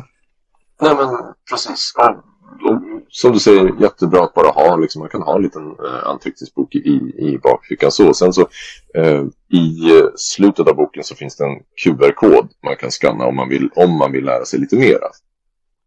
Eh, som länkar till liksom, där jag satt ihop ett litet mallpaket Eh, för, för den som vill ha lite mera konkreta mallar att utgå ifrån. Och där finns också liksom en mall för att skapa sitt eget trafikljus. Just det, det minns jag att, eh, att jag såg där. Jättebra. Nu tänker jag att vi avrundar eh, det här samtalet eh, och, och, kapitlet. Eh, vi kommer nog inte hinna fler kapitel då det här kapitlet har tagit eh, en bra stund. och då har vi fyra tips från coachen, det vill säga just, eller fyra tips från psykologen blir det i det här fallet. Eh, psykologen Henrik. Då, och då skriver Henrik i sin sammanfattning så här. Ja, vi är fortfarande i kapitel två. Eh, ta kontroll över stressen för er som då undrar. Fyra viktiga tips för att hantera stress är att identifiera vad som stressar dig, ta stöd från andra, träna regelbundet och att öva avslappning. Och vi har ju då varit och nuddat lite på de här tidigare, men vi kommer då liksom att avsluta lite finare här då eh, med fyra tips. Och tips nummer ett, det är då att man ska identifiera sina stressarer. Eh, och ja, det här har vi pratat lite om, men ja, vad, vad säger du kring det tipset? Vad finns att säga? Nej, men att det, det, det är just att en, en stressor är ju bara det, någonting som stressar en. Så att identifiera vad det är som stressar en och, och försök liksom dela upp eh, är det här liksom någonting som jag kan kontrollera eller är det någonting som jag behöver släppa? Så det är bara, skri, gör, brainstorma, skri, gör en lång lista eller en lista bara över allt som stressar dig och uh, försök se, ska jag släppa det här eller ska jag förändra det här? Ja, och då kommer man ganska fort se liksom vad det är man kan lägga sin energi på och inte. Tips nummer två. Hitta ditt stöd. Um, och um, ja, vad har du att berätta här, eh, Henrik? Ja, det, det, det är ju mycket liksom att ja, vi mår oftast bättre när vi får känna stöd från andra. Vi har lite olika behov där såklart, men alla behöver no känna något form av stöd. Och det kan vara från en vän, någon i familjen, en partner. Det kan vara från vården om man behöver det. Men utifrån vad man behöver, ta stöd. Det brukar kännas lättare att ta sig hit eh, igenom såväl livet som en stressig period om man har stöd från någon annan. Ja, och eh, för att kunna, ja, och, då, och, med det som Henrik sa eh, där så vill jag också lägga till en illustration som han då eh, gjorde eh, i samband med det här i boken. Och då är det, ehm, eh, först är det en bild då på en person då eh, som har fyra bubblor bredvid, eller som har fyra bubblor i sitt medvetande eller i sitt huvud. Och eh, som man då har innan man har pratat med en vän eller, eh, eller med en familjemedlem och så vidare. Eh, och dessa bubblor, det är alltså då, det första är då att man har oro och ångest, eller alltså oro eller ångest. Och innan man då kanske har pratat med sin vän så kanske man går och bär på något som man vill, behöver eh, prata om. Och då är, det ju, då är det just den cirkeln eller bollen som tar störst utrymme av alla fyra bollar i sitt medvetande i huvudet då på den personen som, som går runt och bär på det här. Och sen har vi även hopp, glädje och trygghet. Och i första fallet då, innan man har pratat med en vän, så är de lite mindre och tar mindre utrymme. Och efter samtalet eh, med, en, med en vän då, så är alla de här bollarna fortfarande kvar men då har oro och ångest liksom minskat markant i storlek. Samtidigt som hopp, glädje och trygghet har förstorats och eh, nu dominerar utrymmet i en sinne. Och då kan jag bara lägga till där att jag, jag själv liksom har, speciellt nu när jag börjar må bättre, insett verkligen hur viktigt det är att kunna få sätta ord på känslor och tankar som man går och bär på. Så Henrik, har du någonting du tänker på kring det jag sa där? Nej, men jag bara vill understryka och, och stämmer in i precis det du sa. Liksom, att det är jätteviktigt att få, få sätta ord på, på sin upplevelse. Eh, om, man, om man vill och behöver. Det, och det görs ofta enklast när man har någon framför sig som man kan prata med. Ja, och det roliga är att jag, så här, jag läser upp någonting som du själv har illustrerat eller sagt och sen bara, vad tänker du kring det du själv har sagt Henrik? jag tänker att det är väldigt smart, väldigt smart Alexander. Oj, oj, oj. ja, just det, precis. Jag håller helt med. Sen på tips nummer tre. Jag håller helt med mig själv här. ja, exakt. I tips nummer tre då så går vi in på någonting som vi pratade om i kapitel ett redan. Ehm, och för att återcitera dig om du bara ska ta med dig en sak från den här boken så bör det vara att träna. Det är det enskilt bästa verktyget för att främja din psykiska hälsa. Eh, och med lite undantag för om man är extremt utmattad såklart så kanske man behöver ha en annan approach som Henrik nämnde förut. Men i det här kapitlet, eh, nummer två då, alltså ta kontroll över stressen, så, eh, så skriver Henrik så här i boken. Du, eh, eller han skriver inte så här, utan jag har skrivit så här. Du har tidigare pratat om vikten av träning eh, för det allmänna måendet, men betonar det kanske ännu mer, eh, alltså att det är ännu viktigare när man har stress. Och att det är ett verktyg som kan förändra din situation när du känner dig stressad, eh, när du känner dig stressad. Och då pekar du återigen på hur viktigt det är med regelbunden träning, eh, för att det kan vara väldigt bra för att då förebygga stress. Eh, och du lägger även till då att, att det är viktigt att man då ökar träningen gradvis. Så nu blir det väldigt mycket ord där för dig att ta in. Men vad, har du några ord på det som jag sa här? Nej, nej men just det liksom att försöka ändå liksom även om man känner sig stressad och kanske känner att det är lite lite tuffare att försöka få det, få det lite regelbundet och anpassa liksom efter efter situation. Det kanske inte liksom, är det så att det är allmänt för mycket, men ta inte liksom det mest intensiva träningspasset utan kanske ta det lite, lite lugnare. Ta liksom en liten lätt jogg istället för eh, fem kilometers på liksom pulsträning. Och, men ändå liksom se till att har du inplanerat att du brukar sticka ut och träna tre gånger i veckan, stick ut och träna tre gånger i veckan. Men kanske gör det på ett lite annat sätt. Just det. Eh, och i tips nummer fyra så pratar du om vikten av avslappning eller djupandning. Um, och ja, och då har du liksom eh, visat två exempel, alltså ett exempel på en avslappningsövning i boken och en eh, djupandningsövning eh, som, då, då, som då heter eh, progressiv av, nej nu tog jag det i fel ordning här. Eh, exemplet med avslappning, det var då progressiv avslappning och djupandningsövningen, det var då den här 4, 7, 8.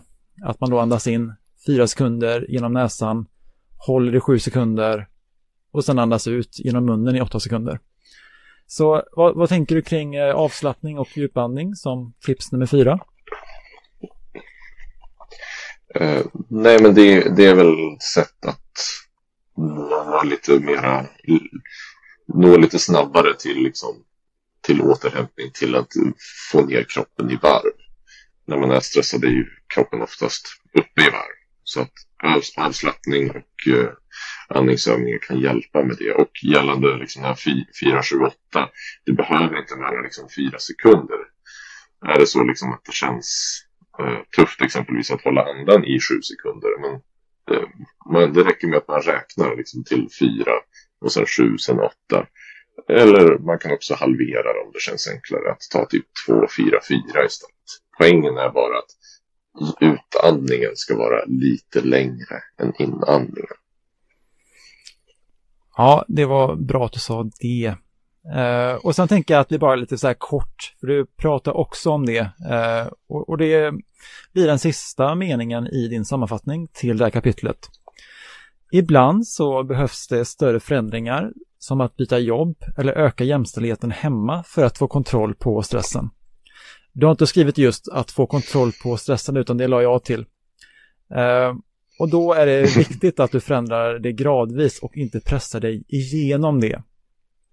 Och då pratar du lite om eh, att man då kan ändra sina arbetsuppgifter eller byta jobb och att det då kan hjälpa en till att liksom, att det kan hjälpa en situation och få ner stressen.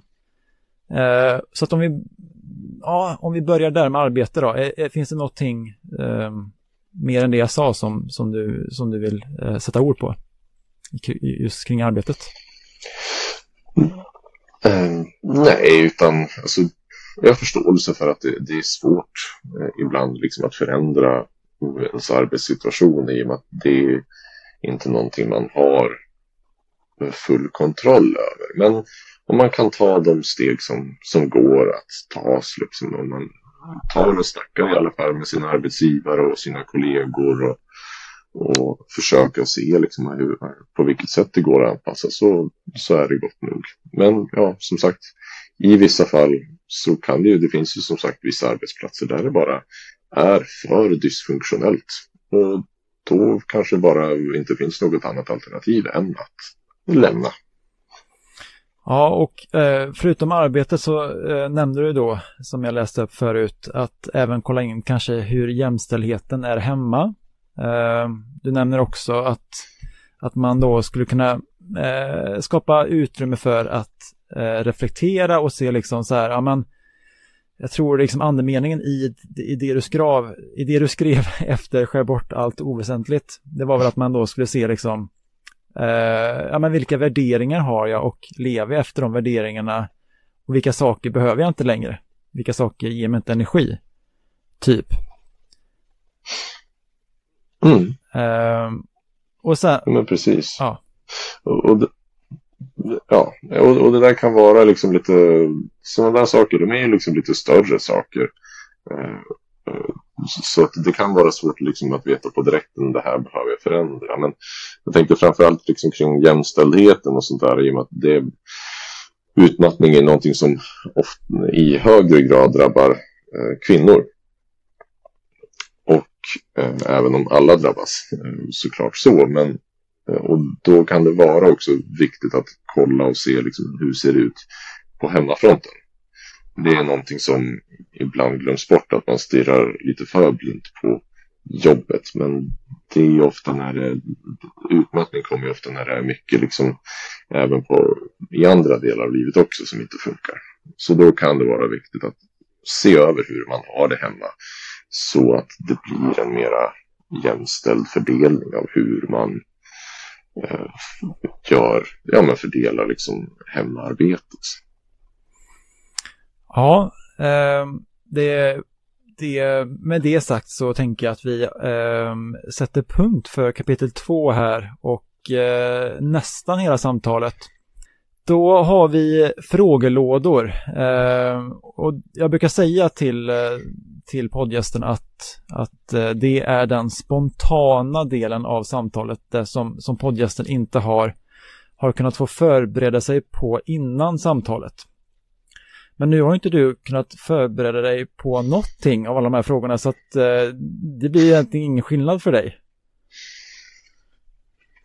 Nej, precis. Ja, vi, vi har tre olika kategoriers frågelådor och det är då lättsamma frågor, djupa frågor och djupare frågor. Alltså tre olika kategorier och svårighetsgrader. Då kommer Henrik få välja en, eh, antingen så får han en fråga från varje paket eller så får han tre frågor från ett och samma paket. Så hur våghalsig är du Henrik? Men jag tror att, eh, jag tror vi kör en av varje. Det, det blir nog bra. Det låter lagom och bra. Eh, då ska du få välja en siffra mellan 1 till 10 för paketet lättsamma frågor. Här var spännande. Eh, då tar vi nummer 7. Vad skulle du göra om du kunde leva för alltid? Oj. Min första tanke var att drabbas av en obeskrivlig mängd ångest. Eh, men eh, för det är någonting jag verkligen inte vill.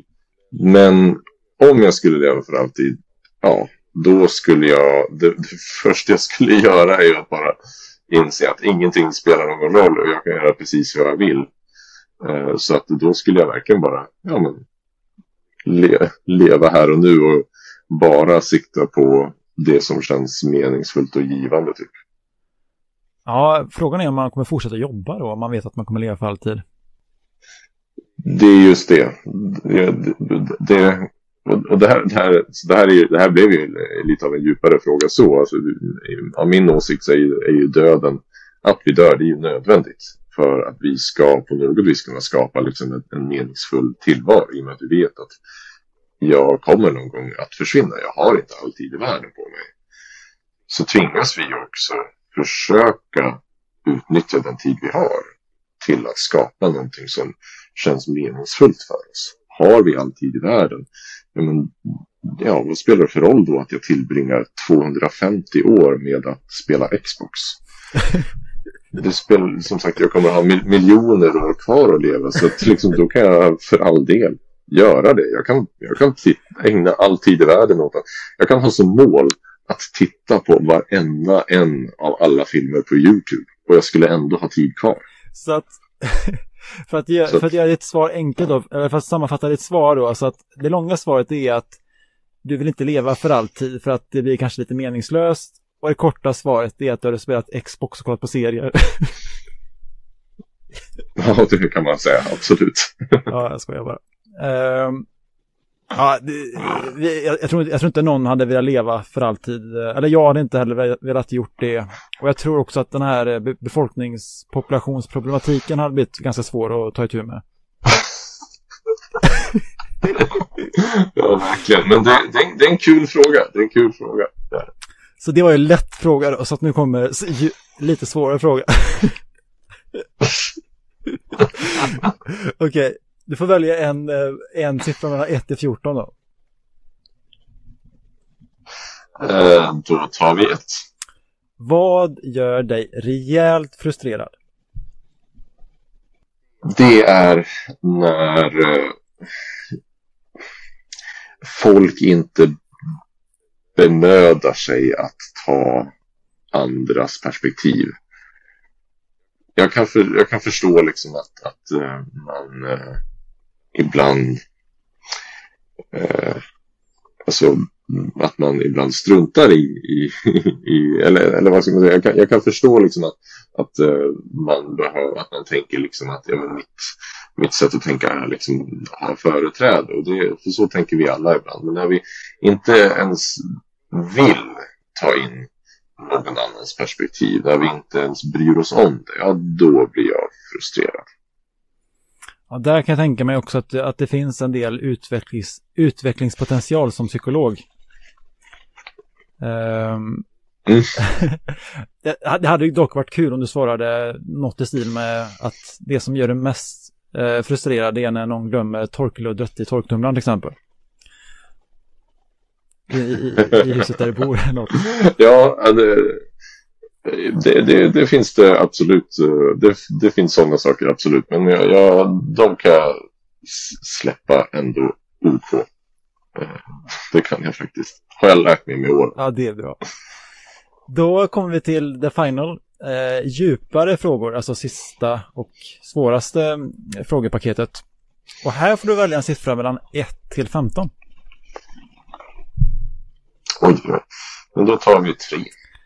Vad finns det för saker som de flesta personerna inte vet om dig? Vad hindrar dig från att dela, dela, dela med dig av det? Ja, precis ja. ja det, det är väl kanske min pinkod till BankID. Det tror jag inte de flesta vet om. Eh, för att svara på ett roligt sätt. Men jag, jag vet inte. Jag, jag, tror nog att de, de... Jag är ändå relativt öppen med liksom, som sagt, jag, jag har ju liksom mina perioder av eh, när jag känner ångest och, och stress eh, också. Och jag tror liksom att jag att många, många vet om det. Men jag, eh, det som hindrar mig liksom från att dela, dela, dela mer med mig av det liksom under de dagar jag har det är väl liksom lite grann att jag, eller framförallt offentligt, jag pratar ju ofta med min, min sambo om, om, om sådana saker. Men det är just att jag, jag, jag, tyck, jag tycker det känns jobbigt med liksom när folk eh, tycker synd om eh, en och tycker synd om mig. Då. Eh, det, det, för det är inte liksom ofta det är inte, liksom, det är inte det jag söker när jag delar av med mig det jag offentligt, i alla fall liksom på Instagram och så, utan det jag liksom vill, anledningen till att jag liksom delar med mig av sådana saker, det är mest bara för att normalisera att även psykologer mår dåligt ibland. Mm. Ja, du gjorde det, du, du svarade helt eh, lysande. Eh, så tack för att du eh, tog dig an de här frågorna. Då tänker jag... Ja, men tack själv. Bra frågor. Vad sa du? Eh, bra frågor, tack. Ja, det, det, jag hade gärna tagit på mig äran, men jag hittade dem på Google någonstans. ja, men då, tänk, då tänker jag så här då.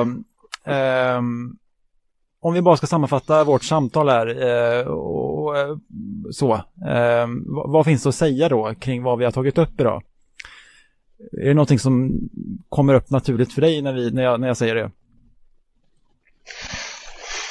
Nej, men att... Eh, jag, vi har ju pratat mycket om stress och liksom det, det jag vill liksom att folk ska ta med sig kring stress är att det är att du känner dig stressad är inte ett tecken på att det är någonting fel med dig, utan det är bara ett tecken på att du fungerar som alla andra.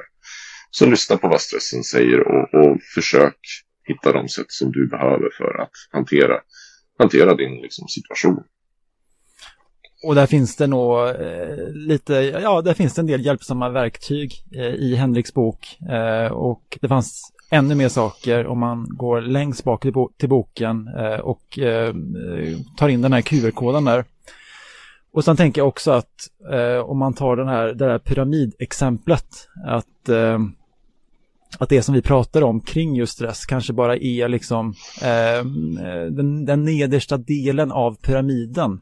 Och att sen när det är på plats, eh, när sömnen, eh, träningen och allt det liksom rullar och funkar, men då kan man liksom börja kolla in eh, de andra nivåerna eh, av pyramiden ovanför.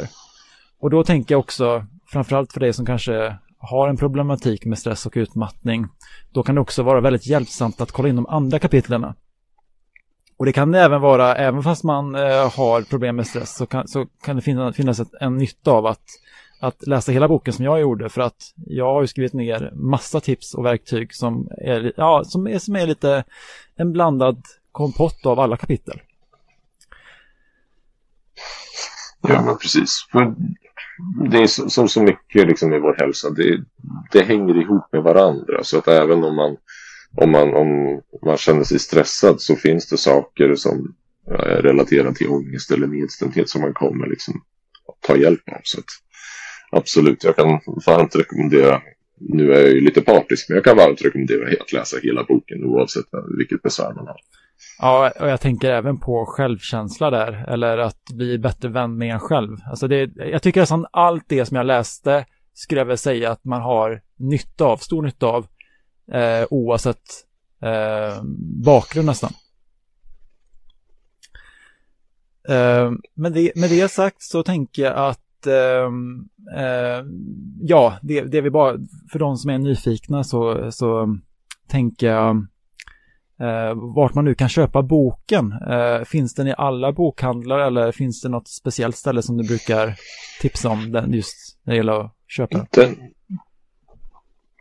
Alltså den finns ju lite överallt i bokhandlarna. Jag vet att det finns på exempelvis akademibokhandlarna ute i, ute i landet. Eh, men eh, den finns ju såklart online såväl på bokus.com som på Adlibris. Så att eh, den, den går att hitta. Och ditt, psykolog, äh, ditt äh, Instagramkonto heter nu igen? Äh, psykologen Henrik. Psykologen Henrik. Och om man vill skriva till dig Henrik, hur kommer man i bäst kontakt med dig då? Man kan skriva till mig på Instagram såklart. Jag, jag svarar inte på, liksom, jag, jag ger inte personliga liksom, tips och råd. Så, men om man har en föreläsningsförfrågan eller något sånt så, kan man, så är det bäst att mejla mig på hej Toppen. Då tackar jag Henrik för att du ville medverka och för att du har eh, ja, svarat på allt det som har dykt upp under den här poddresan. Det var kul att höra. Tack så mycket för att jag fick vara med Alexander. Vill du också medverka i Rakt in i väggens podcast? Besök vår hemsida för mer information på www.raktinivaggen.com medverkan. Om du vill tipsa oss om en poddgäst eller om du har en fråga eller synpunkt på det vi gör kan du alltid mejla oss på podcast raktinivaggen.com för att få svar. Tack för att du lyssnar!